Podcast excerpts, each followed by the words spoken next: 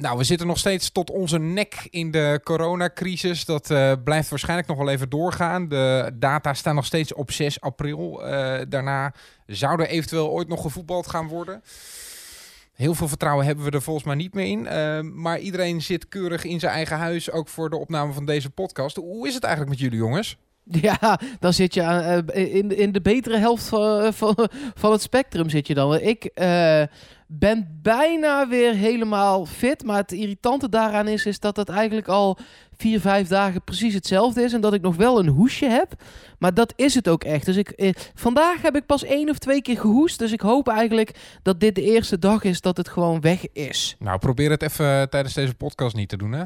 Ga ik, me, ga ik mijn best voor doen. Hoe is het met jou? Ja, goed. En uh, nou ja, we houden natuurlijk keurig anderhalve meter afstand. Dat, dat is prettig. En uh, ja, het is gewoon verder een hele gekke tijd. Ik, ik mis het voetbal zo ontzettend. Ik vind het wel heel tof. Alle initiatieven die er ontstaan. PSV, dat ook heel veel aan het uh, doen is. wij hebben zelf natuurlijk hiervoor al één podcast opgenomen... waarin we de ontknoping van 2007 hebben behandeld. Luister die ook vooral als je die nog niet hebt meegepakt. maar er is gewoon wel, ondanks het feit dat er geen voetbal is... is er wel heel veel gaande. Ja, zeker. Uh, de maatregelen die we voor in de vorige podcast noemden, mocht je die niet geluisterd hebben, die PSV in ieder geval neemt, is dat er inderdaad tot 6 april, maar wij denken in ieder geval allemaal dat het op zijn minst later wordt, alles nu is afgelast. Betekent ook dat het Philipsstadion op slot is en de hertgang voor bezoekers. De fanshop is dicht, je kunt online nog wel bestellen, maar die is dicht. En één keer per week komen de spelers individueel naar de hertgang. Um, daar kwam in de afgelopen week nog wel wat bij. Uh, de faciliteiten van PSV zijn beschikbaar gesteld. Toon Gerbrand sprak daarover de woorden... één telefoontje van de burgemeester is genoeg. En uh, volgens mij bedoelt PSV dat echt in de allerbreedste zin van het woord. Ja, het is ook helemaal niet concreet gemaakt volgens mij. Hè? En ik, ik ben zo benieuwd wat daar dan, uh, uh, ja, in, wat voor soort situatie je zoiets nodig zou kunnen hebben. Maar waar het ook wel over ging, dat vond ik dan wel interessant. Is dat PSV natuurlijk een ontzettend groot uh, bereik heeft. PSV heeft heel veel volgers online. En nou ja, als je noodoproepen moet doen, nog eens een keer onder de aandacht wil brengen dat iedereen daadwerkelijk anderhalve meter afstand moet houden. Ja, dan is zo'n kanaal, zijn de kanalen van PSV natuurlijk heel nuttig. En dat zet PSV ook in. En dat is wel, dat valt wat de prijzen natuurlijk. Ja, wat er is een heel platform, Luc. Ik weet, heb, jij er, heb je er al oefeningen gedaan? Oh man, ik ben de hele dag aan het rekken en strekken en, uh, en mijn knieën, met mijn knieën van de, tot mijn tenen en weer omhoog. Nee, ja, ik vind het een goed initiatief. Um, de club doet natuurlijk ook uh, de best om toch de, de fans uh, ja, te dienen. volgens mij ging het bij Gerbrands ook onder andere over, nou, mocht er echt een noodsituatie ontstaan en er is plek nodig ergens in het centrum van de stad, dan is het natuurlijk in het Philipsstadion ook nog een hoop plek. Dus uh, nou, is een goede uh, ja, maatschappelijke betrokkenheid die, uh, die PSV denk ik uh, daar toont. Dus allemaal goed. Um, ja, je ziet om ons heen toch ook steeds meer mede-journalisten uitvallen die dan maar voor andere uh, ja, stukken in hun krant gaan schrijven. Omdat er gewoon niks meer over het voetbal te melden is. Dat zijn toch wel bijzondere tijden die ik me niet kan herinneren. Uh, laten we vooral hopen uh, dat dat nog gaat veranderen. Um, maar die competitie, ik ben daar wel heel erg benieuwd naar. Het EK is er nu natuurlijk uit. Um, nou, dat biedt eventueel wat ruimte. Maar er ligt wel een harde deadline op, op juni. En steeds meer dingen in mei gaan natuurlijk ook niet door. Dus um, het zijn behoorlijk wat wedstrijden die je dan nog even in een korte tijd zou moeten gaan spelen. Ik ben wel benieuwd wat daar nu het, het, het, het, ja, het meest gangbare scenario voor gaat zijn. Ja, ga je ze allemaal nog spelen? Ja. Ja, ik hoop dat wel. En, en ik, ik uh, uh, ben niet voor het spelen zonder publiek. Maar uh, zeker in een land als Engeland, waar Liverpool gewoon zo ver voor staat. Of een land als Spanje en ook Nederland, waar het juist nog super spannend is om wie de koppositie gaat pakken. Hè? Real of Barça. in, in Nederland Ajax of AZ. Of kan toch Feyenoord en misschien dan PSV daar toch nog iets gaan doen. Ik, ik vind dat wel ik vind dat wel spannend. En ik, ik hoop echt dat we begin mei. En dan, dat is echt een zeer voorzichtige schatting. Want uh, ik ben bang dat het nog wel later wordt. Maar ik hoop dat we dan gewoon kunnen gaan voetballen. En dan haal je het wel om op eind juni klaar te zijn. Ja, maar dan zou je nog de hele competitie uitspelen. Ja, ja, daar hoop ik wel op. Ja, ik vraag me echt af of dat nog haalbaar is. En dan krijg je daarna, mocht je dat niet halen, uh, eventueel beslissingswedstrijden. Maar dan vraag je je ook weer af wie gaan daar dan aan meedoen? Gaat Willem II bijvoorbeeld nog meedoen om de uh, kampioensplekken? Uh, waar leg je de grens? Dat, dat lijkt me zo ontzettend moeilijk ook voor de KNVB nu. Ja, dat lijkt me ook, dat li lijkt me ook moeilijk. Nou, dat gaan we allemaal nog wel meekrijgen. dat, dat is in ieder geval niet voor nu. Nee, nee, zeker niet. Ik wil nog heel even één ding zeggen over dat platform wat PSV heeft opgericht. Mocht je daar nog helemaal niks over gezien of gehoord hebben. Het heet We Stand Together of hashtag We Stand Together. Um, en je kunt bijvoorbeeld ook ziekenhuizen steunen en een kaartje sturen naar iemand. En dus oefeningen doen die de spelers nu thuis ook aan het doen uh, zijn. Daar uh, zijn video's van en die kun je doen. Want we gingen er net even snel overheen. Maar mocht je dat helemaal nog niet hebben gezien, het is best wel interessant. En ik weet niet of jullie de Voetbal International hebben, maar er staat echt een mooi interview in. Weliswaar met een oud PSV'er, maar zit toch nog wel echt in mijn hart in ieder geval. Uh, Luc de Jong. Uh, waarin hij het ook nog wel heeft over PSV en hoe het met PSV dit seizoen gaat. Um, dus dat is nog wel interessant. Als je uh, thuis zit en niks te doen hebt, uh, dan kun je dat nog lezen. Ja, hij zegt onder meer dat de crisis hem aan het hart ging hebben bij PSV. Dus dat, uh, ja, dat, dat, dat, hij is PSV in ieder geval niet vergeten. En uh, ik, ik vond het mooie tekst. Het is sowieso interessant om het te lezen. Uh, wij zitten uh, midden in die coronacrisis, net als iedereen. En, en wij hebben dat aangepakt om dan maar terug te blikken op historische momenten. Zoals gezegd, vorige aflevering, aflevering 55 is dat. Daarin zijn we teruggegaan naar de competitieontknoping van 2007. Nu ook weer een bizarre competitieontknoping met sowieso een fantastisch seizoen. In deze aflevering, aflevering 56, gaan we terugblikken op het seizoen 2015-2016. Ja, want dat was wel een seizoenetje. Uh, daar hebben we in tegenstelling tot 2007, waar we dan niet op de, op de plek van waar het te doen was, uh, wel wat goede verhalen over. Uh, Mark en ik onder andere over de kampioenswedstrijd in Zwolle. Um, maar de wedstrijden in de Champions League waren natuurlijk ook noemenswaardig. Onder andere die tegen Atletico Madrid. We gaan het er allemaal over hebben in de tweede corona special van PSV Podcast, seizoen 3, aflevering 56. Dit is hem voor. Dit is hem voor Locadia. Hij zit erin voor PSV. Het is 0-1 in de 34ste minuut. 1-1 op de Vijverberg. Brian Smeet knalt hem binnen. En ik zie spelers van Ajax uitgeteld op de grond. De 23ste landstitel van PSV. PSV is de beste voetbalclub van Nederland. De geslagen bokser die opstaat. En hij zit nog steeds in quarantaine, nog steeds in Hilversum. Yannick Eling. En het uh, hoesten en het snotteren is bijna voorbij bij Mark Versteden in Eindhoven. Ja, en uh, ja, hij is gewoon ook al wel weer aan het werk. Vitaal media beroep, zo is het ook. Uh, dit is toch wel de, de toughest man, dat blijkt maar weer. Luc van der Braak.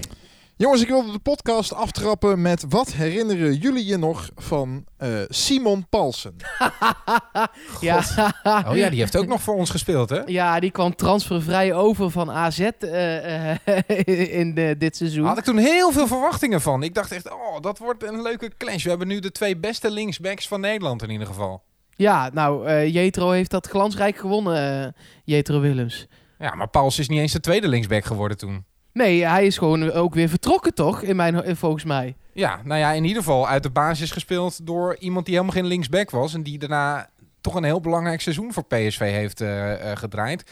Joshua Brenet, want nou ja, de, verdedigend stond hij in ieder geval zijn mannetje wel. Ja, zeker. Maar van waar deze vraag dan, Luc? Heb jij een bijzondere herinnering aan hem? Of? Nee hoor, maar ik ben even de, de, de selectie van die tijd aan het, aan het doorspitten. en dan kom je natuurlijk bekende namen tegen. Hè. We gaan het er zo meteen uitgebreid over hebben. Pereiro natuurlijk. Prupper met een belangrijk doelpunt, onder andere in de Champions League dat jaar.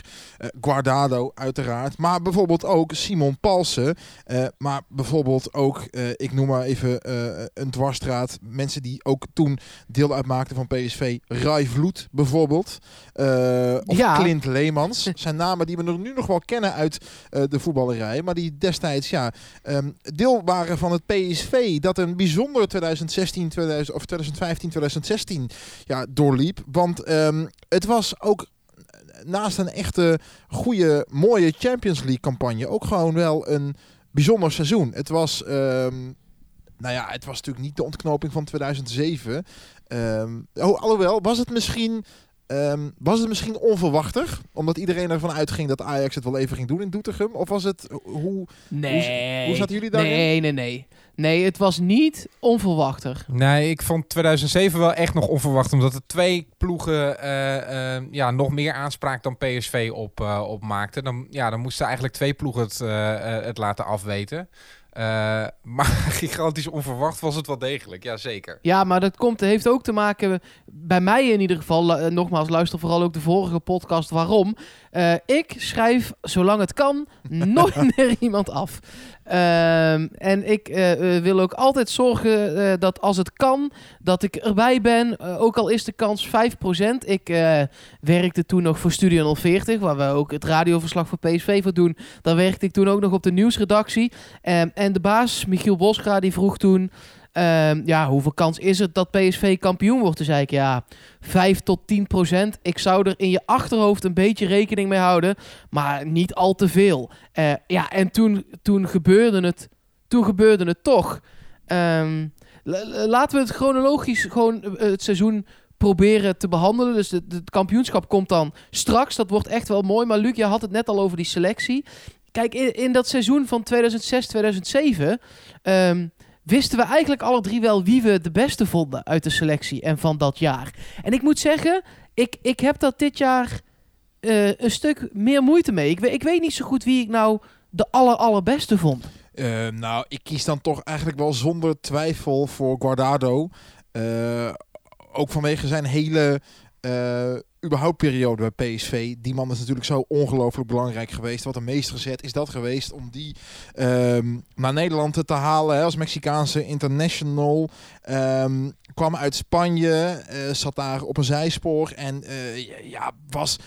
Of hij te goed was voor PSV, weet ik niet. Maar het was in ieder geval wel recht in de roos qua wat PSV op dat moment nodig had. Dus ik zou hem sowieso benoemen. Eh, al moet ik zeggen dat ik ehm, ook Van Ginkel daar wel belangrijk in vond. Ja, wat dacht je van Luc de Jong? Ja, dat klopt. Luc de Jong ook, absoluut, natuurlijk. Ehm, maar Guardado steekt daar voor mij wel boven. Als ik iem- iemand moet, moet kiezen, dan kies ik wel voor Guardado. Yannick? Ja, ik zou ook voor Guardado kiezen. Maar iemand die ik ook nog wel eh, wil noemen, die vaak vergeten wordt, maar die zo ontzettend veel volwassenheid aan de verdediging heeft gegeven. Hector Moreno. Dat scheelde voor mij echt nog een slok op een borrel ten opzichte van Rekiki, hè, die eh, eh, vertrokken was met al zijn gezang en eh, gespring bij het vorige kampioenschap. Ehm, toen Hector Moreno kwam, toen merkte je dat er echt een, een verdediging op Europees niveau begon te ontstaan. En, en hij ja, zorgde er ook voor dat het niveau van Bruma omhoog ging. Maar de inspeelpases waren eigenlijk nooit verkeerd. Eh, hij kon op linksback spelen, dat deed hij tegen CSK Moskou. Hij kon slim gaan liggen als een aanvaller net even te irritant ging doorjagen. Dat gaf ook wel echt klasse aan het elftal van PSV. Ik eh, ga daar toch nog een eh, naam aan toevoegen. En dat is Arias. Omdat ehm, met de rust die Luc de Jong uitstraalde eh, en ook bracht in het elftal, dat is belangrijk. Ehm, dat gif, dat bracht Arias. Het was inmiddels zijn eh, derde seizoen in Nederland. En in de eerste twee seizoenen dachten we eigenlijk... Jezus, wat, he- wat hebben we nou weer aan onze fiets hangen? Hè? Die, eh, om het ook uit de basis gespeeld door Brenet. nou, zeker. En eh, om het hondsgezeik pakte hij een totaal onnodige kaart. En hij stormde dan wel op, maar verdedigend was het dan weer slecht. En dit seizoen was het eerste seizoen, en we hebben daarna gelukkig nog drie seizoenen van hem kunnen genieten, dat hij eigenlijk in iedere wedstrijd die hele rechterkant gewoon domineerde. Ja, ja echt, echt een meester aan, aan die rechterkant. Eh, Gewoon onbesproken in dat, eh, dat seizoen. En inderdaad, eh, aanvallende drang, verdedigend. Eh, is het nooit de beste geweest, maar een zesje speelde hij altijd wel. Maar je wist gewoon dat daar loopvermogen stond. eh, eh, en en dat, dat daar dreiging van uitging. Dat is gewoon belangrijk in het spel van PSV geweest onder Cocu. Want ja, laten we wel wezen, Cocu was een trainer die op het resultaat speelde. Het was allemaal niet spectaculair, maar hij kreeg PSV wel zover dat er eindelijk eens een keer ook, ook op Europees niveau resultaat werd gehaald. Zeker, gewoon heel realistisch. En sommige mensen vinden dat dan vervelend. Maar ja, ik, ik, ik ga eh, gewoon heel graag ook voor het resultaat. En als het kan met mooi voetbal. Ik heb heel veel zin in Schmid volgend seizoen. Ehm, maar eh, in eerste instantie gewoon winnen. En ja, dat deed Cocu eh, het meeste van de tijd gewoon. Toen jullie die uh, pool-indeling van de Champions League onder ogen kregen hè, van dat jaar, met Wolfsburg, United en CSK Moskou, wat, wat, dachten jullie toen? Wat voor seizoen zou het gaan worden? Ja, kansloze missie. Ja, ik dacht echt gewoon dat PSV huilend vierde zou worden dat jaar. Ik ook. Um, ja, ik ook. Um, al uh, waren Wolfsburg en CSK natuurlijk niet de meest uh, klinkende namen. Uh, maar dan hebben we in Nederland natuurlijk sowieso een beetje een handje van de boel onderschatten als het allemaal niet klinkt als Real Madrid of Juventus. Um, dus ik denk dat er niemand is die, die van tevoren ja, erop in zou zetten dat PSV overwinterde. Maar het was nou ook weer niet een pool des doods, toch? Nou, de, uh, Vonden jullie dat wel, ja? Nou, uh, ook met United in die periode? Ja, kijk, United is wel gewoon een naam, hè? En, en uh, Wolfsburg hadden dat seizoen gigantisch goed gedaan. Uh, dat seizoen daarvoor in Duitsland. Anders haal je ook de Champions League natuurlijk sowieso niet.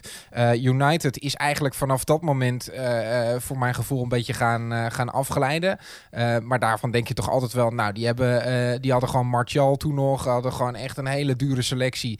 Die moeten gewoon PSV normaal gesproken wel verslaan. En datzelfde dacht ik van CSKA, omdat het gewoon een hele stugge resultaatploeg was. Dus ik dacht voor PSV is er echt helemaal niks te halen in die pool. Nee, nou maar uh, gelukkig, uh, het tegendeel bleek, al was het wel echt ontzettend spannend. Ik weet niet hoe, ja, absoluut. hoe jullie die laatste wedstrijd PSV tegen CSKA hebben beleefd. 2-1 werd het. Uh, met met ja, alle goals in het laatste kwartier. Eerst scoorden zij en toen moest PSV er twee maken op dat moment. Uh, en toen was daar dat doelpunt. Ik had het eigenlijk al opgegeven toen dat doelpunt van CSKA viel. Ehm, en toen, maar, maar wel gewoon blijven kijken. En ik heb nou niet vaak zo hard gejuicht. Dat is wel grappig. Ik uh, um, werkte toen ook voor, uh, voor 3FM. Um, ehm, en ik uh, deed de nachten daar. Dus dat betekende dat ik deze wedstrijd daar op de bank heb zitten kijken met de televisie aan. En ik schreeuwde op een gegeven moment zo hard dat het door het programma 3 voor 12 heen zat. En dat zij, en dat zij dachten dat er iets aan de hand was. Maar ik was gewoon zo vol in extase. En ja, thuis heeft je buurman daar alleen last van. En nu dus heel Nederland. Wat geweldig. Heerlijk.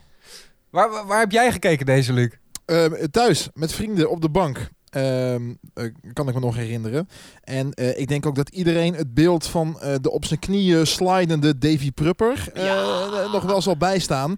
en dat is ook meteen een naam die wel even genoemd moet worden, vind ik, Davy Prupper. Um, toen die naar PSV kwam, had ik daar niet meteen de gedachte bij dat dat toch wel eens uh, belangrijk zou kunnen worden. Maar die heeft zich bij PSV waanzinnig ontwikkeld. Was belangrijk, voornamelijk met dit doelpunt ook natuurlijk. Uh, maar die heeft daarna ook gewoon nog een keurige carrière daaraan overgehouden natuurlijk. En als je het hebt over iemand die, die steady uh, presteert, dan is, het, dan is hij het wel toch. Hoe belangrijk was hij voor dit PSV? Heel belangrijk. Uh, zeker uh, pasend gezien. Uh, openingen vinden in de verdediging van de tegenstander. Maar het, het was ook wel ja, een moeilijke uitgangspositie voor hem. In die zin dat hij Jorginho Wijnaldum moest even moest komen vervangen. Een stap maakte binnen de eredivisie. Nou, dat is ook niet voor iedereen weggelegd. Want we hadden bijvoorbeeld ook Adam Maher nog in de selectie. Die is dat absoluut niet gelukt. Davy Prupper is het wel gelukt om die stap binnen de eredivisie te maken. En daarna een transfer te verdienen naar de naar de Premier League. Maar echt een hele goede speler. Ja, zeker. Um, ehm, PSV overwinterde dus. Hè. Wolfsburg 12 punten. Wonnen in de laatste wedstrijd van Manchester United. En gingen daardoor door en niet United. PSV 10 punten, United 8, CSKA maar 4. Um, ehm, waarvan drie... Hebben die kopbal van Narsing al benoemd trouwens? Want dat was ook nog wel even een momentje, die thuiswedstrijd ja. tegen United. Ja, wow. thuis tegen United, ja. God, ja, Narsing, weet... notabene met die kopbal.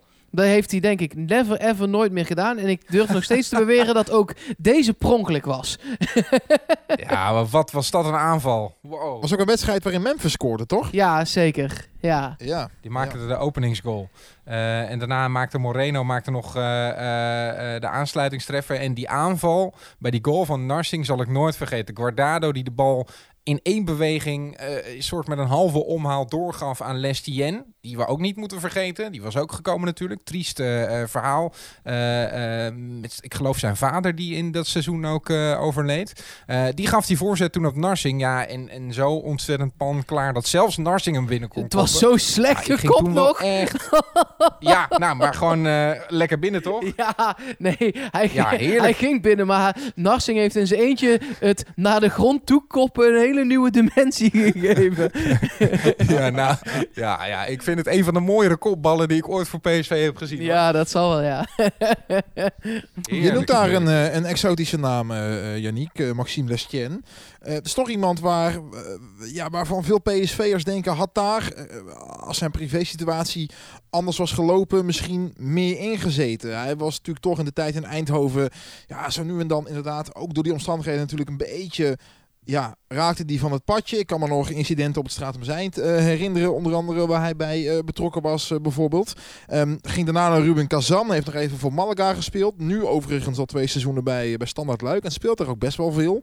Ja, Ehm, ja. Eh, ja, het is natuurlijk, het is natuurlijk ook een koe met de kont kijken. Maar had daar meer ingezeten als hij op een, op een beter moment bij PSV had gezeten? Bleef ik me toch afvragen daarna. Nou, ik denk het wel. Het is wel zo'n echte linksbuiten. Hè? En, en eh, daar heb je er niet zoveel van. Eh, iemand met een goede trap, goede voorzet, scorend vermogen. Ik, ik denk dat dat altijd wel van waarde was geweest voor PSV. Maar helaas is het zo gelopen. Ehm, en hij schoot nog een penalty binnen bij, eh, bij Atletico. Dat zal ik ook nooit vergeten. Ja, nou ja, laten we daar maar naartoe gaan. Want PSV pakte een hoop prijzen in dit seizoen. Het kampioenschap gaan we het straks nog over hebben. De fruitschaal 3-0 van Groningen. Beker in de kwartfinale eruit tegen Utrecht. Maar dat, dat overwinteren was toch na, na het kampioenschap. Of misschien ligt het zelfs wel voor mij gelijk aan elkaar. Eh, toch echt, het, het was fantastisch. Is ook zeker iets wa- wat, wat in, in mijn eh, PSV-historie altijd nog wel eh, naar voren komt. Dat, dat we toen in die situatie eh, met een Champions League die steeds afgetekender is begonnen te worden. Met, ja, je kon de laatste 16 zo'n beetje wel gaan invullen. dat PSV daar gewoon wel weer een keer bij zat. Terwijl je dat misschien niet per se had, eh, had verwacht op basis van de selectie. En zeker ook op basis van de pool dat PSV dat toch is gelukt. En, en ook twee geweldige wedstrijden heeft gespeeld tegen een latere finalist. Ja, dat zal me echt nog wel bijblijven hoor. Nou, dat is het vooral inderdaad. Ja, kijk, nu inmiddels hebben we natuurlijk de prestatie van, van Ajax, hè, die, die, die niet te evenaren is momenteel. Maar eh, dit was inderdaad voor het eerst in zo lang weer eens dat je het gevoel had van, hé, hey, een Nederlandse club kan dit gewoon... eh, kan dit gewoon bereiken. En is inderdaad in zo'n, in zo'n achtste finale dan niet eens ook nog eens ehm, helemaal kansloos. En dat gevoel, dat was toch wel behoorlijk weggeëpt. We hebben het de laatste jaren veel gehad hè, over, over de Mickey Mouse competitie en dergelijke. Maar ja, dat PSV dat weer lukte, dat vond ik. eh, dat gevoel zal me inderdaad altijd bij eh, blijven. Dat dat, dat, dat lukte. Die wedstrijden tegen Atletico, daar wordt vaak aan gerefereerd dat dat misschien wel eens de beste twee keer 90 minuten van Jeroen Zoet zijn geweest. Ik weet niet hoe jullie dat zien. Ja, en niet, dat valt niet te ontkennen. 100%. Echt, wat, wat keepte die man 100%. geweldig. Toch is het daarna, ehm, ja, eh, jammer genoeg voor hem natuurlijk. We weten hoe het gelopen is. Eh, heeft hij nooit daar een droomtransfer aan kunnen ehm, overhouden. Ehm, toch zal zijn naam nog wel ergens rondzwerven naar aanleiding van die wedstrijden. Die wedstrijden zelf, die twee tegen Atleti, maar voornamelijk natuurlijk de return eh, daar in Madrid. Hoe hebben jullie die beleefd? Waar waren jullie? Nou, in Madrid. Eh, en Mark ook. Ja, ik ook. dus, ja. eh, ik was ja. ook in Madrid. Daarom zal ik maar beginnen. Ik zat eh, op de bank, huilend thuis, eh, met een flesje bier. Ehm, en ik zag, eh, ja, het belangrijkste van die penalty shootout. Ik zag Narsingen missen, denk ik toch? Dat is toch wel hetgeen wat mij het meest bij zal blijven. Ja, oh, god, ja. En ook maar net. ja. Oh. Jullie waren daar. Vertel, hoe was de setting? Eh, Mark, eh, jij eerst. Hoe, hoe, hoe was dat? Ja, zoals gezegd, ik werkte toen nog voor Studio 040. En nou ja, dit is, dit is gewoon ook Eindhovens nieuws. N- nou is het niet zo dat het geld dat tegen de plinten klotst. Dus ik heb toen de reis zelf betaald. Ehm, en het kaartje kun je dan als pers gewoon aanvragen natuurlijk. Dus ik zat tussen de NOS en een paar van die Spaanse kwerkerts... zat ik op de perstribune met mijn eh, commentaarapparaat... eh, om verslag te doen voor de radio. Ehm, en ja, het was, het was, ik, heb, ik heb niet heel veel wedstrijden verslagen die eh, wel ook echt net zo mooi waren, maar niet die zo ja, die, die in Zwolle was er één van, maar daarover straks meer aan Luc. Absoluut. Maar die zo, die, die zo spannend was. Ehm, want niet alleen Zoet keepte fantastisch, ook de keeper van Atletico, Oblak, keepte eh, twee keer 90 minuten fantastische wedstrijd. Dus die wedstrijd op zichzelf was geniaal om bij te zijn. Natuurlijk was het kloten dat we eruit vlogen, maar ja, ik weet niet hoe jij dat toen voelde, Janiek, maar ik was voornamelijk trots. En ook gewoon de hele dag was gewoon... Ja, ik heb daar echt van genoten. Ja, van die dag wel. Eh, dat moment daarna eh, overheerste nog niet per se de trots bij mij. Dat, dat kwam later. Ik heb daar echt nog, eh, nog wel even wakker van eh, gelegen. Ik had gewoon een ticket ge- geboekt via de supportersvereniging. Samen met mijn stiefvader waren wij 's ochtends op de dag van de wedstrijd naar, eh, naar Spanje gevlogen. Ehm, eerst nog een wedstrijd of een rondleidingje door Bernabeu gedaan. Daarna nog een beetje in de, in, in de stad gelopen. Jou nog opgezocht, Mark. ja, Ehm, op het, op het plein van de muntjes. We hadden daar ik, niks ik, mee ik te ben al maken. mijn kleingeld daar kwijtgeraakt. Ik weet ook niet hoe dat, hoe dat is gebeurd. Nee, geintje. Eh, dat ik, heb wel gezien hoe dat gebeurde. Maar... nee, dat, dat is niet zo. Ik dacht, ik zeg Nee, toch. nee. Maar eh, nee, nee, dat is zeker het niet is zo. een, een, leuk, een, een leuk grapje, maar wij hadden daar verder heel weinig zelf mee te maken. Eh, ja, eh, ehm, ik heb wel gezien eh, hoe dat gebeurde. De ophef daarna vond ik, en dat, dat wil ik ook wel op persoonlijke titel zeggen, eh, behoorlijk overtrokken. Omdat Zeker. Ja, daar liepen mensen die super opdringerig waren. Ik wil het echt niet goed praten wat daar is gebeurd. Maar de ophef daarna wil ik ook zeker niet goed praten. Want ja, er waren gewoon mensen op een terras die probeerden de opdringerige mensen die, ja, die daar om geld kwamen bedelen weg te sturen op, op deze manier. Dus die probeerden die muntjes zo ver mogelijk van zich af te werpen. Nogmaals, eh, niet goed te praten. Dat mensen moesten opdrukken voor brandende biljetten. Dat wil ik helemaal niet goed praten. Maar ik heb me daar wel over verbaasd toen. Ja, ik, wil dat, eh, ik wil dat ook heel graag op jouw persoonlijke titel zeggen. Oké, nou goed. Dan, eh, dan neem ik alles op mijn, mijn persoonlijke konto. Nee, nee, ja, nee, gingen, je, hebt, je hebt helemaal gelijk. Je hebt, je hebt eh, 100% gelijk. toen gingen we naar Vicente Calderon. Dat was ook nog wel een stadion dat, eh, dat van de bucketlist af moest. Hè? Want ja, eh, Ja. Dat, daar wordt nu niet meer in eh, gevoetbald in, in Madrid. Atletico speelt tegenwoordig in Wandra, Wanda Metropolitano. Maar ja, dat Vicente Calderon, dat had wel echt karakter hoor. Ik heb dat wel eens tegen jullie gezegd ook, dat ik zo jaloers op jullie ben dat jullie daar zijn geweest. Want ik heb nu toevallig gisteren eens even zitten kijken naar de sloop van dat stadion. Maar dat, ik vond dat zo'n echt klassiek Spaans stadion, waarvan je gewoon zag dat het ooit daar was ontstaan tussen de huizen. En daarna eh, ja, helemaal was uitgebouwd. Hè. Onder andere die tribune, eh, die hoofdtribune over een weg. Nou, dat geeft wel aan dat de ruimte daar natuurlijk niet bijzonder groot was. En Bernabeu vind ik een mooi stadion, hè, begrijp me niet verkeerd. Eh, mooi stadion, absoluut. Tuurlijk, het nieuwe Atletico stadion is ook mooi. Ehm, maar ik vond dit echt nog zo'n echt Spaans voetbalstadion. En ik heb echt wel spijt als haren op mijn hoofd dat ik daar niet nog een potje ooit heb, eh, heb kunnen aanschouwen. Dus dat, dat leek me ook wel het ideale stadion voor zo'n avond als deze. Nou, ze kunnen daar ook behoorlijk sfeer maken. Het is echt een orkaan van geluid eh, de hele wedstrijd geweest. Eh, je probeert als uitvak probeer ook nog wel wat lawaai te maken, maar ja, je kon er gewoon niet doorheen komen. Dan heb je ook nog zo'n bizarre trainer die de hele tijd de boel aan het opzwepen is. Eh Simeone is dat bij Atletico Madrid. Die zit inmiddels ook alweer een tijd trouwens. Ehm, ja, het, het was een hele toffe atmosfeer om, om deel van uit te maken. Weet je wat het, eh, wat het, wat het mooiste was? Hè? Dan hebben we het even niet over de wedstrijd, maar over dat stadion. Kijk, eigenlijk kan dat stadion echt niet meer. De, de perskamer zat tussen twee pilaren van de tribune in. Er was eigenlijk ruimte voor een mannetje of zes, zeven. Eh, de perstribune zat in de nok van het, het... Was allemaal zo verouderd dat ik snap dat ze naar een nieuw stadion moesten. Maar als je op de perstribune zat, en ik weet niet hoe dat vanuit het uitvak was, Janiek, dan eh, Madrid is gebouwd op, een, op, nou, op zijn minst een heuvel. Maar misschien durf ik het zelfs wel een berg te noemen. Ehm, en dat stadion van Atletico, dat ligt aan de ene kant van eh, de berg in het dal. Dus ik keek vanuit de perstribune, wat dus in de nok van het stadion zat, over de hoogte van de andere kant van de lange zijde van het stadion. eh, die berg op. En het werd langzaam donker. Champions League wedstrijden zijn s'avonds. Ehm En eh, je zag de lampjes op die berg. Rechts van mij kon je het stadion uitkijken, want daar zat nog een ruimte in. Daar liep een rivier. Het, het, het was echt, het is, en het is nog steeds, het is nu dan inderdaad in de sloop, maar echt een fantastisch stadion. Ja, er, hing gewoon de hele tijd zo'n oranje gloed. Uh, de sfeer kon eigenlijk niet mooier zijn. Uh, of tenminste, dat had mooier gekund als, als die penalty-serie wat beter was, was gegaan. Of als Locadia die bal niet op de paal had geschoten, maar die bal erin was, was geketst. maar PSV was echt heel erg dichtbij. Nogmaals tegen een latere finalist. Obrak stond geweldig te keepen. Zoet stond geweldig te keepen. Bij die penalties deden ze het allebei wat minder. Waardoor er heel veel invlogen tot aan die ene bal van Narsing. Helaas voor PSV. Ja, was dit, gewetensvraag, het hoogtepunt van het seizoen? Of toch dat waar we dan nu naartoe gaan? Ja, moeilijke vraag. Maar voor mij is dit het hoogtepunt. Luc? Ja, ik ben het al wel mee eens. Het, het, uh, het feit dat PSV zich weer zo kon meten in, uh, in de Champions League. En dan met name natuurlijk in die poolfase. Maar ook het, het echt niet onderdoen voor, voor Atletico. En ook de Spaanse kranten die daar de dag daarna over schreven.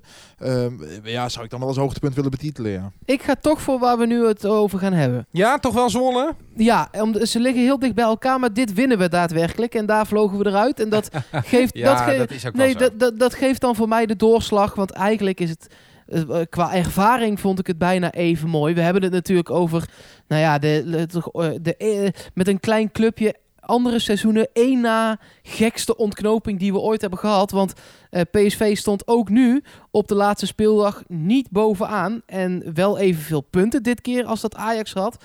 Maar ja, ik, ik durf voor ons alle drie te spreken dat we eigenlijk toch wel hadden verwacht dat Ajax op de Vijverberg wel even zou gaan winnen. Ja, zeker met dat, uh, met dat doelsaldo in het achterhoofd. PSV had ook wel geprobeerd om in wedstrijden daarvoor uh, aan dat doelsaldo te werken. Volgens mij was die wedstrijd daarvoor tegen Cambuur. Dat PSV echt probeerde om enorm aan zijn slof te schieten, maar dat uh, helemaal niet gaan lukken. En toen dacht je tegen Zwolle, ja, ehm, je kan daar misschien een paar goals maken, maar meer dan zeven... Nou ja, werd nog wel 6-2 hè? Alleen Ajax won ook met 4-0.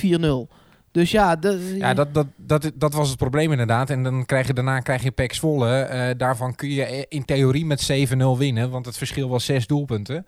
Uh, maar Ajax speelde ook gewoon tegen de Graafschap. En ik denk dat we daar vooral niet hadden verwacht... dat Ajax daar over de bananenschil zou uitgeleiden. Hoe ging jij erin, Luc?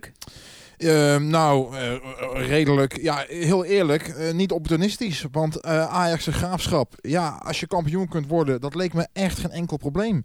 ik ging er echt vanuit dat dat binnen een half uur 3-0 zou zijn. Een beetje zoals Feyenoord dat aanpakte tegen Heracles recent. Zo'n wedstrijd, weet je wel. Zo'n laatste dagwedstrijd waarvan je gewoon weet, oké, de, de, de, de tegenstander is te pakken. Dus nee, ik, ik, ik, moet zeggen dat ik daar niet bijzonder veel vertrouwen in had voor, voor PSV.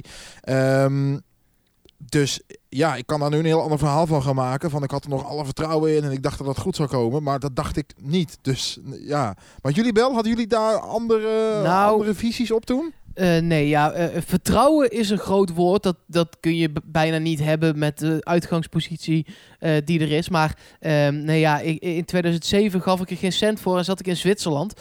Dus sinds die tijd schrijf ik het nooit helemaal af. Um, maar echt hoop durf ik nou ook weer niet te zeggen dat ik echt zo vol vertrouwen, dit gaat hem nog... Ik, ik was niet... Uh, wie zijn nou uh, ja, 100% voor nog kampioen? Willems, toch? Ja, 99% zei hij. En, en bij de huldiging zei hij 100%. Ja, nou ja, uh, zoveel vertrouwen had ik er niet per se in. Um, Yannick, ik, ik weet waar Luc was, want die zat naast mij. Maar waar was jij tijdens deze wedstrijd? Ja, ik zat thuis en, en, en uh, misschien vinden jullie het een beetje treurig hoor, maar ik had echt een soort, soort rouwdag had ik ervan gemaakt. Ik had koffie voor mezelf ingeschonken. Ik had een plakje cake had ik voor mezelf afgesneden. Ik had allemaal lamellen had ik uh, dicht gedaan. Uh, en ja, Fox zond die dag een schakeluitzending uit, waarin je dan in ieder geval alle belangrijke wedstrijden kon volgen. Dan schakelden ze tussen die verschillende wedstrijden. Maar je kon ook de losse wedstrijden volgen. En ik had besloten, ik ga niet naar het schakelkanaal kijken ik ga naar PSV kijken.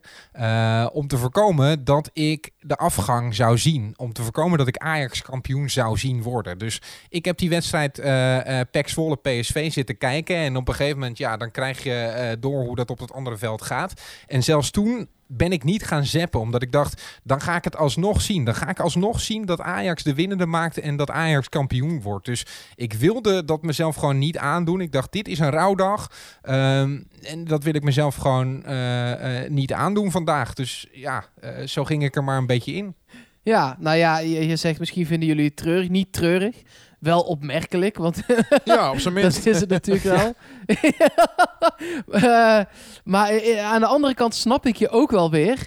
Ehm, was het niet ook gewoon op een gegeven moment zo, volgens mij hebben we het daar wel eens eerder over gehad, dat jij het op een gegeven moment ook gewoon niet meer wilde jinxen? Dat je dacht, ik ga niet meer bewegen. Nee, dat klopt. Ik dacht, als ik, nu, als ik nu ga zappen naar het schakelkanaal... en dan ga ik het zien, maar ook... dan roepen wij het over onszelf af dat wij geen kampioen worden. Dus laat ik nu in ieder geval eh, de bal bij onszelf houden... en laat ik die wedstrijd blijven kijken. Ja, Luc, ik, eh, ik weet heel goed waar, waar jij was. Ja, en ik weet ook eh, bijzonder goed waar jij was, eh Mark. Ja, wij zaten in Zwolle. Eh, ja, dit is, ik vind dit zelf een van de leukste anekdotes die ik ken. En jij vertelt hem als geen ander. dus kom maar door. Wij eh, waren die dag onderweg naar Zwolle. Ik weet het nog heel goed. Het was echt een mooie zondag. Eh strak blauwe lucht, Eindhoven-Zwolle. Wij in de auto daar naartoe. En wij waren daar toen namens ehm, Studio 040. Dat kunnen we wel benoemen voor het radioverslag. Alleen eh, was er iets aan de hand met de normale radioapparatuur. Als ik hier aan denk, dan ga ik al lachen. Maar er was iets aan de hand met de normale radioapparatuur die wij normaal gesproken mee hebben om, om, om zo'n uitzending mee te verzorgen. Dat is een relatief klein kastje, want op de perstribunes waar je dan in stadion zit, heb je vaak niet bijzonder veel ruimte. Daar was iets mee aan de hand en dus was er iets in elkaar geknutseld ehm, waar het ook mee kon. Alleen dat was ongeveer ehm, eh, zes keer zo groot. Ehm, zes keer groter dan het normale kastje eh, waar wij die radio-uitzendingen mee. Ja, even, help me even, Mark. Hoe kan ik het even voor luisteraars eh, verbeeldend maken? Te grootte van? Wat was het ongeveer? Nee, ja, het is een 19-inch kast. Hoe groot Ja. is 19 inch? Ja. Ik, zoek het, ik zoek het even op. Het is, acht, het is vij- 50 centimeter. Dus het is meer dan anderhalve lineaal. Terwijl we normaal gesproken echt eh, op, op, op eh, iPad-grootte een kastje bij ons hadden. Exact. Nou, dus wij naar Zwolle. En eh, nou, zoals gezegd, eh, allebei onze, natuurlijk onze stemmingen, onze bedenkingen. En ehm, toen kwamen wij daar aan in, in Zwolle. Wat overigens altijd leuk is, vind ik Zwolle. is een leuk stadionnetje daar. Alles goed verzorgd ook altijd. En eh, toen eh, trokken wij naar onze plekken op de perstribune dan. Die zijn een beetje rechts daar op, eh, op de lange zijde. En, eh, en nou, dat is zoals veel perstribunes, zoals gezegd, daar is niet bijzonder veel ruimte. Ehm, dus we zaten daar een beetje te handelen met die kast. En dat was nogal een lomp uit de kluiten gewassen ding. En die stak een beetje over de rand van het werkblad. Dus dit is gewoon een normale tribune, maar dan met overal werkbladen. En onze kist, die zetten we dan voor ons neer. En dan stak de kist, nou, ik denk een centimeter of 20 of zo, Mark, ongeveer 20, 25, stak hij uit aan de, aan de voorkant. eh, Op de plek waar de volgende mensen onder ons zaten op die tribune. Nou, wat er ook nog vaak gebeurt, is dat een club, zeker als er, als er echt prijzen te verdelen zijn, nemen ze heel veel mensen mee eh, daar naartoe. En soms kan dan niet iedereen in de dugout zitten, of op de bank, of op de, op, in de skyboxen. Dus dan zitten er ook wel eens mensen van de club zitten eh, op de perstribune. Dan krijgt de club krijgt daar kaarten voor. Nou, dus wij zitten daar te hammersen met ons, eh, met ons apparaat.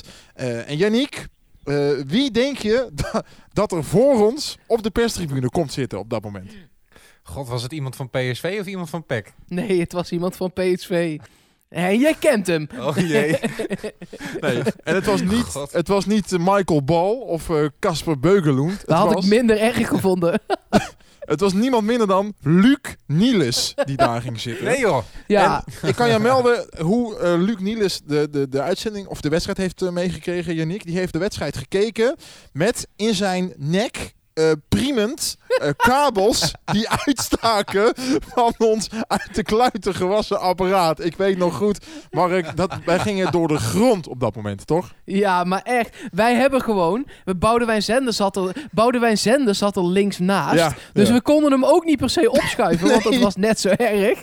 Maar wij hebben dus twee keer 45 minuten lang 19 inch, dat is 50 centimeter aan metaal en kabels in de nek van een van de beste aanvallers van PSV ooit zitten duwen. Omdat we radioverslag moesten doen van deze wedstrijd. Het was verschrikkelijk. Ja, Is die daarna ook vertrokken? Of, eh, Nee, hij is blijven zitten. Hij is blijven hij, heeft- zitten. hij bleef zitten. Nee, en ik dacht dat hij toen naar VVV is gegaan. Ik kan me nog zo goed herinneren dat hij, dat hij opstond en zijn kruin stootte tegen die kabels aan en even in zijn nek greep en achterom keek en, ze, en zei, oh nee, valt wel mee jongens, laat maar gaan. Ja, ik, ik kom wel door de grond zakken toen. Maar, Dat ging echt Ja, helemaal ja, kapot. ja. Ik vind dit wel een mooi moment, nu we, het, nu we het over die wedstrijd hebben gehad. En het verloop wil je nu gaan benoemen. Zullen we gewoon eens luisteren hoe dat, dat klonk op de radio? Nou, dat waren dan de collega's van eh, Radio 1. Want die zaten dan ergens met een kleiner kastje op, eh, op de tribune. Wij hebben wel zitten hannissen met die grote kast, maar Ja. het werkt alsnog niet. Die opnames zijn helaas verloren gegaan. Dat, eh, Ja, dat is nog helemaal het mooie aan het verhaal. Eh, Ja. Dus hebben we nog eh, de opnames van, eh, van Radio 1. En dat zal je verbazen, maar daar gingen ze er volledig van uit dat Ajax die dag kampioen zou worden. Jurn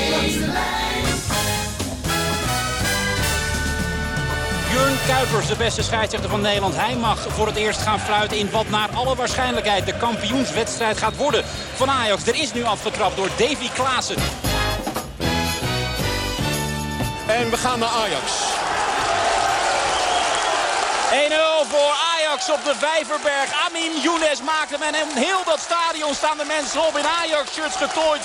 Want dit is de goal die Ajax wilde, die vroege goal. Na 16 minuten, een minuut nadat Younes ook al scoorde, toen in buitenspelpositie, doet hij het nu gewoon legaal. Hij krijgt de bal aan de linkerkant van het veld, gaat het 16 meter gebied binnen en krult fraai raak in de verre hoek. Jurjens is geklopt en Ajax leidt na 16 minuten voetbal in Doetinchem door de goal van Amin Younes met 1-0 tegen de Graafschap. Hoe gaat het met PSV bij PEC, Ragnar? Dit is hem voor PSV. Dit is hem voor Locadia. Hij zit erin voor PSV. Het is 0-1. In de 34e minuut omdat de bal niet wordt weggewerkt in het strafschopgebied van Pek Zwolle. En hij dan belandt op, nou wat zal het zijn, 13, 14 meter van het doel. Voor de voeten, bal aangeraakt, PSV leidt. En daar is die trap beland wat achterin op het oog van Locadia en dan Bruma. En dan heb ik geen flauw idee of het de jong is op de doellijn, maar hij zit er 2-0 in voor PSV. Hij zit erin. 2-0 PSV op een mooi moment. 2,5 minuut voor de pauze. Ik geef hem even aan de Jong. Het zou ook Bruma kunnen zijn, maar ik denk dat de Jong op de doellijn het laatste tikje Denk het geeft. ook. Dat is voor nummer 25 dan van het seizoen. En dan kun je zeggen PSV heeft Houdini nodig. Ze hebben misschien Hans Klok nodig, maar misschien wel gewoon een magier in Doetinchem.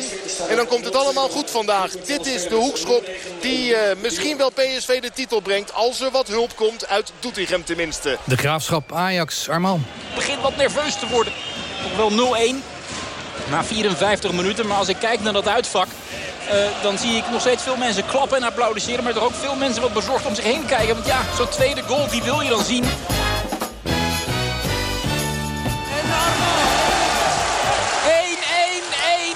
op de Vijverberg. Brian Smeets knalt hem binnen. En ik zie spelers van Ajax uitgeteld op de grond liggen. En oh, wat wordt dit voor middag. Wat wordt dit voor middag hier op de Vijverberg. Het is 1-1, de goal van Brian Smeets. En Ajax bij deze stand geen landskampioen. Die goal die kan er altijd komen, ondanks het overwicht dat Ajax heeft en had. Maar nu valt hij binnen een counter van de Graafschap. De voorzet komt vanaf de rechterkant en Smeets haalt maar eens uit en treft eh, de goal. Het is 1-1 op de Vijverberg. Zwolle, PSV dan maar. Ragnar. Dat komt wel binnen in het vak van PSV. Waar PSV wordt aangemoedigd met het boeren boeren vanaf de tribunes. Want eh, PSV met 2-0 voor 1-1 daar. En Cocu komt uit de dugout om ongetwijfeld aan te geven dat zijn ploeg de kop erbij moet houden. Want nu de voorsprong weggeven zou dodelijk zijn. Ik heb het gevoel op het veld dat deze boodschap ook is doorgekomen. Ik word erop geattendeerd door een eh, collega van VI. Ik denk dat hij gelijk heeft. Dank daarvoor. Want dit zet toch deze middag wel op zijn kop. Milik gaat eraf. Opvallende wissel. Milik gaat eraf. De topscorer van Ajax dit seizoen. 21 goals. En op het moment dat je doelpunten nodig hebt, haal je je topscorer naar de kant en komt Anwar El Ghazi in de ploeg. Als dit verkeerd zou aflopen voor Ajax, dan gaan we dit nog horen. Ragnar. Doelpunt van Pek Zwolle. Het is 2-1 in de 66e minuut. Want Boei weet uh, de rechter benedenhoek voorbij Jeroen Zoet uh, te vinden. Bal langs de vingertoppen van de PSV. Keeper komt er dan hulp uit Zwolle voor Ajax. Want dat kan natuurlijk ook nog. Het is 2-1. Kassim Boei maakt de goal. Denkt de boer met uh, El Ghazi in de punt van de aanval misschien meer kansen te hebben tegen dat duo centraal achterin Straalman van de Paver. Maar het blijft vreemd dat op het moment dat je speelt voor de titel, Ragnar weer, het is een goal voor PSV. De marge is weer 2. Want in de eerste de beste aanval is het Luc de Jong nu. Samen topscorer in de eredivisie uh, met uh, Jansen. Hij uh, maakt een hele rare goal op de rand van buitenspel. Loopt weg links in het strafschopgebied. Geeft een heel flauw tikje aan die bal mee. Na een aanval die is opgebouwd aan de linkerkant van het veld bij PSV. Loopt weg bij twee verdedigers. En dan schuift hij hem voorbij Kevin Bejois. En zit PSV weer op rozen. En dan zit de speeltijd erop, die vijf minuten extra. Laat Kuipers de doeltrap dan nog nemen van Sillis of fluit hij af.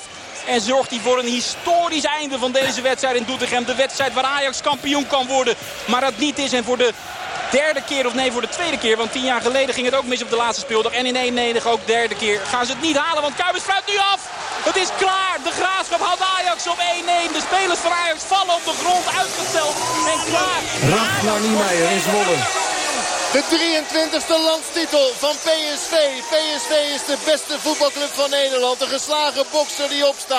En al een paar tellen voor het einde van de wedstrijd in Doetinchem. Sprinten de selectie van PSV naar het vak met de huissupporters. Dat was wat voorbarig. Maar het kan, want PSV is landskampioen. Het wint in Zwolle. Het is kampioen van Nederland na het fantastische Champions League jaar.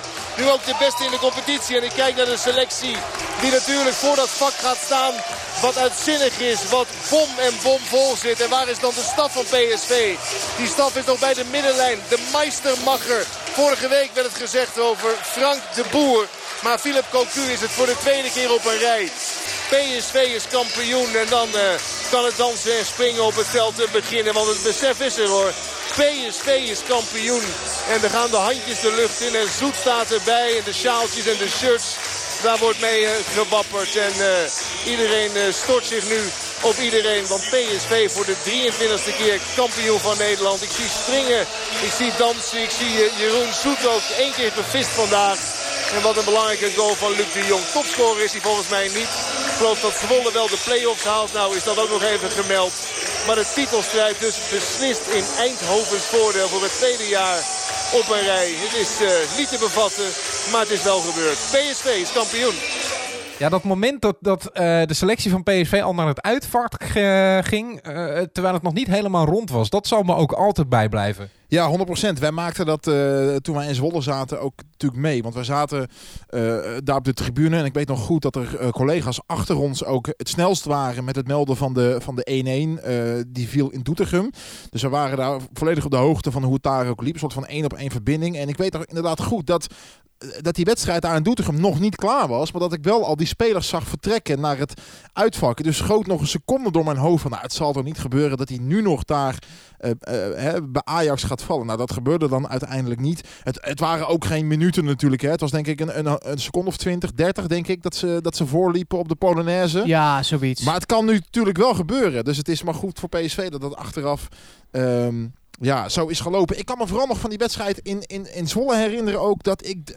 Ja, dat was eigenlijk best wel een normale wedstrijd. PSV won daar met, met, met 3-1. Uh, twee keer de Jong. Localia scoorde nog. Nou, wel een tegentreffer dan. Uh, maar ik moet zeggen dat, dat toen ook niet echt meteen uh, de paniek uitbrak. voornamelijk omdat de Jong weet ik nog, een minuut later alweer tegenscoorde. Dus daar was het redelijk snel in de tas. Ik weet vooral dat het gewoon een half uur lang uh, ja, tandenbijten was toen dat nieuws uit Doetinchem uh, kwam. Dat was een hele rare, ja, soort surrealistische ervaring, moet ik zeggen. Ja, zeker. En wij zaten, achter ons zaten inderdaad collega's met een één op één verbinding. Maar voor ons zat dus Luc Niels met die 19 inch van ons in zijn nek. Um, maar ook, maar, maar, maar ook met zijn, met zijn mobiele telefoon in zijn hand met vertraging die wedstrijd ja. in Amsterdam te volgen. En uh, wij waren zenuwachtig. Maar uh, ja, Luc Nielen spande ja, daarin. in Doetinchem was het, hè? Ja. Sorry, wat zei ik dan? In Amsterdam, zei jij. Maar je bedoelt... Oh, uh, sorry. Ja, nee, de wedstrijd van Ajax in, in Doetinchem, ja. Um, Ja, nee, ja, dat was wel eh, mooi om te zien dat ook dat soort grote spelers gewoon die zenuwen nog hebben. En wat, wat ik ook nooit zal vergeten aan deze wedstrijd is de terugweg. Ehm, eh, die terugweg achter de bus aan. Ja, dat, daar heb ik echt van genoten. Eh, Was dat met eh, volstaande viaducten en zo? volstaande... Het, eh, kijk, ik heb het EK 88 nooit meegemaakt en dat soort dingen. Ik wil het net zeggen, ja. M- Met volle krachten. Maar zo voelde het echt. En het was natuurlijk helemaal niet voor ons. Maar, maar wij hebben zelf ook... Jullie toeteren de hele tijd. nou ja, zeker. Wij ook toeteren en, en lachen en gieren en even vooruitrijden en stoppen bij een tankstation langs de weg, klappen voor de bus, hup, weer in de auto, weer erachteraan.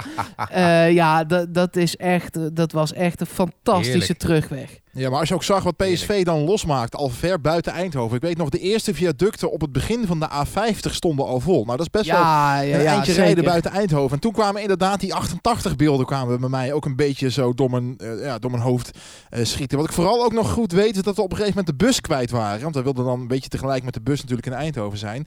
Eh, eh, want we reden op die A50 en toen zagen we ineens de bus de afslag Ravenstein nemen. En toen dachten we, oké, ik weet niet naar welke eh, club ze gaan om het nu al te vieren. Maar daar bleek toen ook een pijnlijk moment voor de, voor de Ajaxiden natuurlijk. Daar bleek de schaalwissel toen plaats eh, te Oh ja, dat was ook nog zo. Dat werd toen op een parkeerplaats werd de daadwerkelijke schaal uitgedeeld. Ja, Ja. treurig wel, maar eh, wel lekker dat hij binnen was, zo is het ook. Ja, verdomd ja. Hey, ehm, een naam die nog niet genoeg in deze podcast is gevallen wat mij betreft. Brian Smeets. Ja, Ik weet dat jij op het punt hebt gestaan, Mark, om voor jezelf een de graafschapsshirt aan te schaffen met, eh, met het rugnummer van Smeets achterop, toch? correct.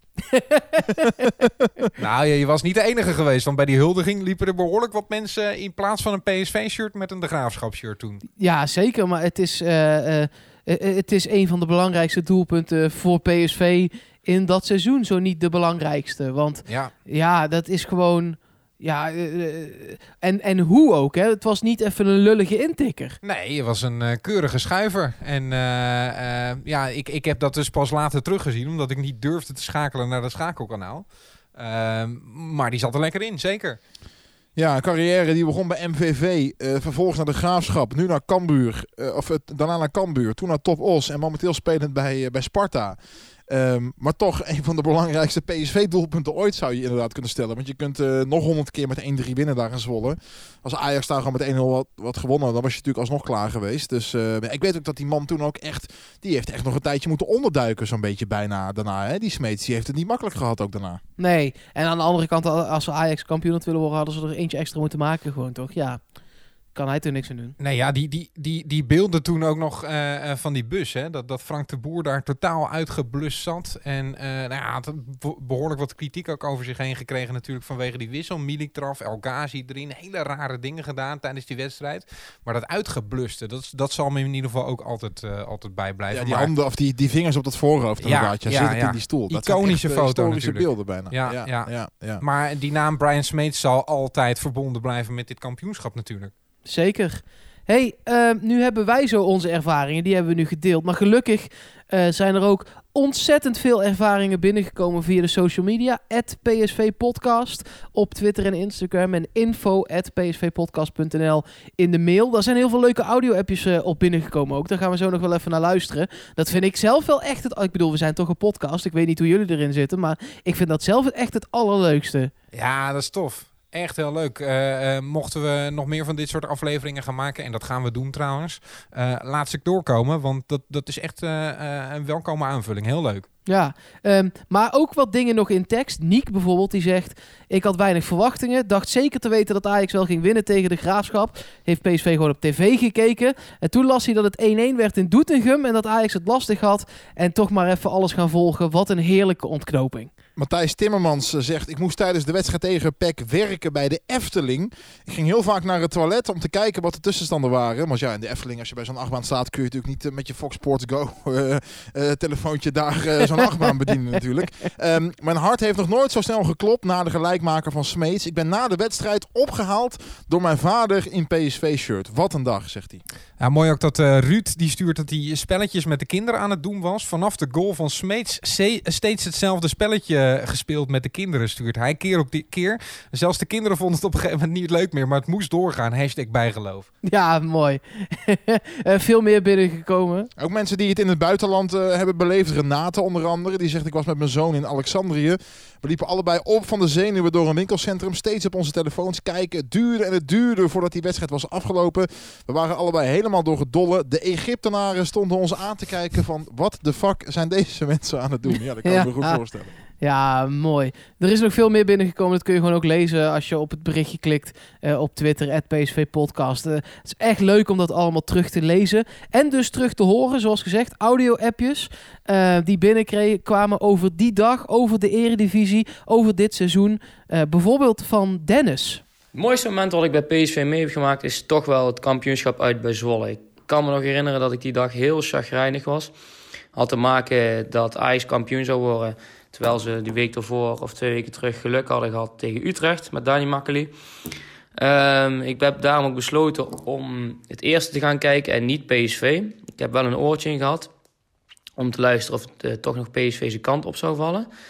Eh, het eerste bij ons had uiteindelijk met 4-0 verloren. Nou, naarmate de wedstrijd vorderde, bleek het toch steeds meer de kant van PSV op te vallen. Uiteindelijk ben ik na de wedstrijd ook meteen, meteen eigenlijk naar de PSV'ers op het veld gerend om te vertellen dat we toch kampioen waren. Eh, daarna zijn we zo snel mogelijk naar huis gegaan en spullen gepakt om naar Stratum te gaan. Het was voor mij de eerste keer dat ik een kampioenschap op Stratum kon vieren. Ik was oud genoeg om zelfstandig te drinken. Dus dat heb ik toen ook gedaan. Ik heb twee mooie avonden gehad. Eh, ik had geen stem meer over. Ik moest voor de klas staan, dag erop. Dat lukte eigenlijk niet. Dus dat betekent wel dat het eigenlijk eh, goed gelukt is. Een goed feestje is geweest. Ja, mooi verhaal van eh, Dennis die het kampioenschap op, eh, op zijn manier eh, beleefde. Zoals net be- benoemd waren er ook mensen in het buitenland natuurlijk. Onder andere Stefan, die was in Duitsland. Dat weekend dat wij geen kampioen zouden worden en Ajax wel, ben ik gewoon naar Berlijn gegaan. Want ik had natuurlijk helemaal geen vertrouwen meer in. En die zondag, toen begon het toch een beetje te kriebelen. En ik liet mijn telefoon thuis en ik ging met een vriendin van mij een rondleiding door de stad eh, doen. En halverwege die rondleiding dacht ik, nou, ik moet toch naar, eh, naar mijn appartement om eh, op mijn telefoon te kijken en te volgen hoe de wedstrijd verloopt. En volgens mij was het een kwartier voor het einde van de wedstrijd. En toen zette ik mijn telefoon aan en toen zag ik al die WhatsAppjes. En toen dacht ik, fuck, het zal toch niet waar zijn. Nu moet ik tien minuten keihard in de keiharde stress gaan zitten.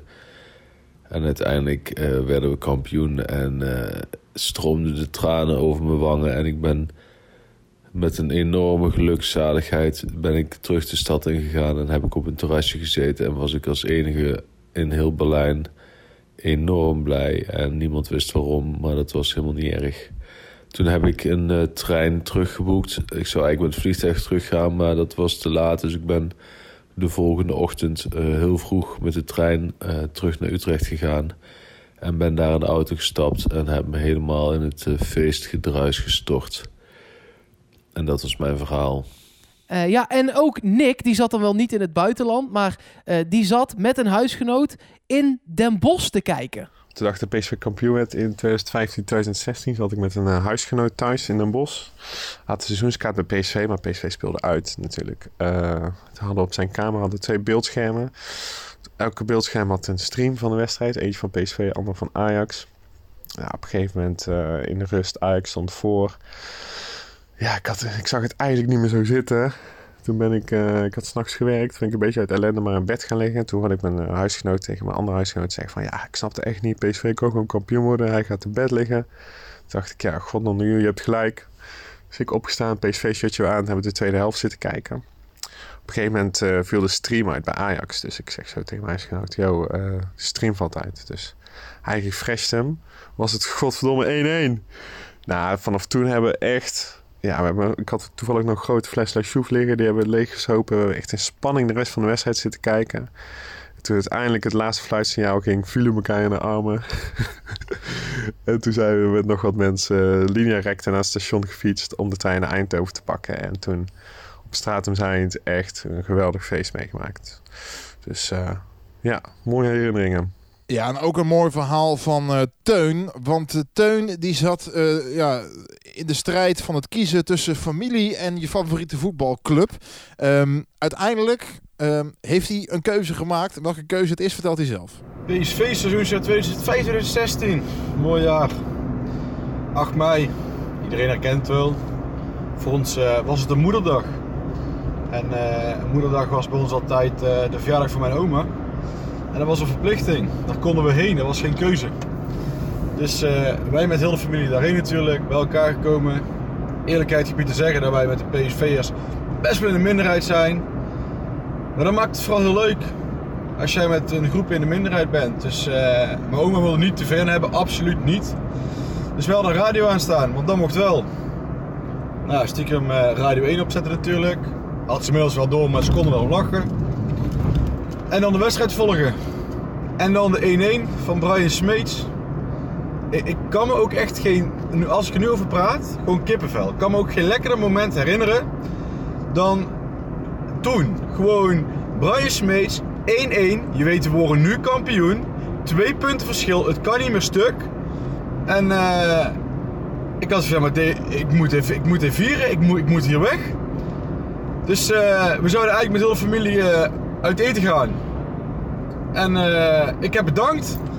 Ik heb tegen iedereen gezegd, luister vrienden, ik vind het allemaal prima en uh, ik hoop jullie smakelijk eten. En uh, veel plezier. Maar ik ga het niet doen. En toen zei mijn neef, als jij het doet, ga ik ook niet. En toen mijn broertje, maar als jullie gaan, ga ik ook. En toen zei mijn neef, ja maar wacht eens even. Als wij met z'n vieren gaan, gaan we met z'n vieren. En na als oma lief aangekeken te hebben, zijn we met z'n vieren nog naar uh, Straat Eind gegaan. Met uh, eigenlijk de bedoeling om uh, de laatste bus terug te pakken. En uh, het enige, het, ja, hoeveel ik gezopen heb, geen idee. Ik heb flink veel, ik heb flink veel bier gezopen. Ik heb een geweldig feest gehad. Maar ik, ik, ik heb een taxi gepakt. Er reden geen bussen meer. Mijn neven waren al weg. Mijn broertje die zei, ik blijf ook. Dus ik heb een taxi gepakt en ik ben naar huis gegaan. ja, uiteindelijk dan toch maar met z'n vieren, volgens mij wel met toestemming van oma, uh, naar het Stratumzend gegaan. En uh, ja, ik heb toen ook nog echt tot laat. Ja, ik woon zelf dan in Eindhoven, dus ik kon gewoon op de fiets naar huis in plaats van de laatste bus missen en een taxi moeten pakken. Maar ik, ben, ik kwam zeer laat thuis. En ik moest uh, maandag, uh, die maandag daarna, omdat het kampioenschap gevierd ging worden, ook zeer vroeg weer aan de bak. Uh, omdat dit dan toch wel ook nieuws was. En ik kan, kan me nog heel Lagen goed... er geen draaiboeken klaar, Mark, toen? Had je geen rekening mee gehouden? Nou, de, de, jij lacht, maar ik had dus op één, op, op één A4'tje een paar bullet points gepakt van het jaar daarvoor. Uh, want toen werd PSV ook kampioen. En toen hebben we ook een uitzending gemaakt op Studio 040. Um, en daar konden we redelijk mee overweg. Maar ik weet qua hoofdpijn en, en aandachtspannen... dat dit een van de moeilijkste werkdagen... uit de geschiedenis van Mark Versteden is geweest. Ja, ja, ik ben er toen ook bij geweest met die huldiging. Dat, dat was gewoon wel weer een fantastisch feest. Uh, stampvol Stadhuisplein. Uh, zoals ik hoop dat het heel snel weer gaat gebeuren voor PSV. Maar dat was wel echt weer uh, een knalfeest. Dat is echt fantastisch. Mooi seizoen 2015, 2016 in meerdere opzichten dus voor PSV. Um, ja jongens, er zijn nog zoveel meer dingen in de geschiedenis van PSV waar we het over kunnen hebben natuurlijk. Ik wil specifiek toch nog even oproepen voor 1988. We deden dat in de vorige podcast ook. Um, ja, ben je of ken je iemand die daarop een manier bij was. Een vriend, een opa, een vader, een collega, een, een, een, een zus, wat mij, wat mij betreft. Die daar iets over kan vertellen vanuit zijn of haar eigen ervaring. Dat lijkt me vooral ook heel mooi. Dus dat wil ik toch nog een keer toe oproepen. Want ik ben heel benieuwd ja, hoe dat was. Uh, ook hoe, hoe bijvoorbeeld een huldiging en dergelijke toen was. Ja, daar kunnen wij ons als PSV-podcast niet echt een, een, um, een voorstelling van maken. Dus dat lijkt me sowieso goed. Uh, uh, verder jongens, nog zoveel onderwerpen die we kunnen bespreken. Wat dacht je van de, de PSV Ajax 3-0 in eigen huis, waardoor PSV kampioen werd. Leek, leek me ook wel een gedenkwaardige middag bijvoorbeeld, toch? Ja, er zijn nog zoveel dingen. Ja. Of de 10-0 tegen Feyenoord, die had ik ook nog ja. in gedachten. Seizoen 2004-2005, halve finale Champions League. Er zijn nog genoeg onderwerpen. Eh, laat ze vooral doorkomen, zou ik zeggen, via de sociale media. PSV Podcast heten we overal. En ehm, nou ja, dan blijven we vooralsnog ehm verder gewoon binnen. Anderhalve meter afstand houden. Dat wordt geadviseerd. Dus dat zullen wij dan ook nog even een keer benoemen natuurlijk. Vooralsnog zitten wij dat... eh, nou, dat halen we makkelijk, die anderhalve meter afstand, jongens, op dit moment. Ehm, ja, en laten we hopen dat er volgende week eh, ja, wat beter nieuws gaat komen. Misschien iets meer duidelijkheid op eh, wat er eventueel nog kan gaan gebeuren in de eredivisie. En mocht dat niet zo zijn, ja, dan melden we ons gewoon volgende week weer met een nieuwe podcast, toch? En je weet het, hè? Blijf thuis, blijf betrokken, blijf fit. Die eerste twee beloof ik je. Ciao! Hoi hoi.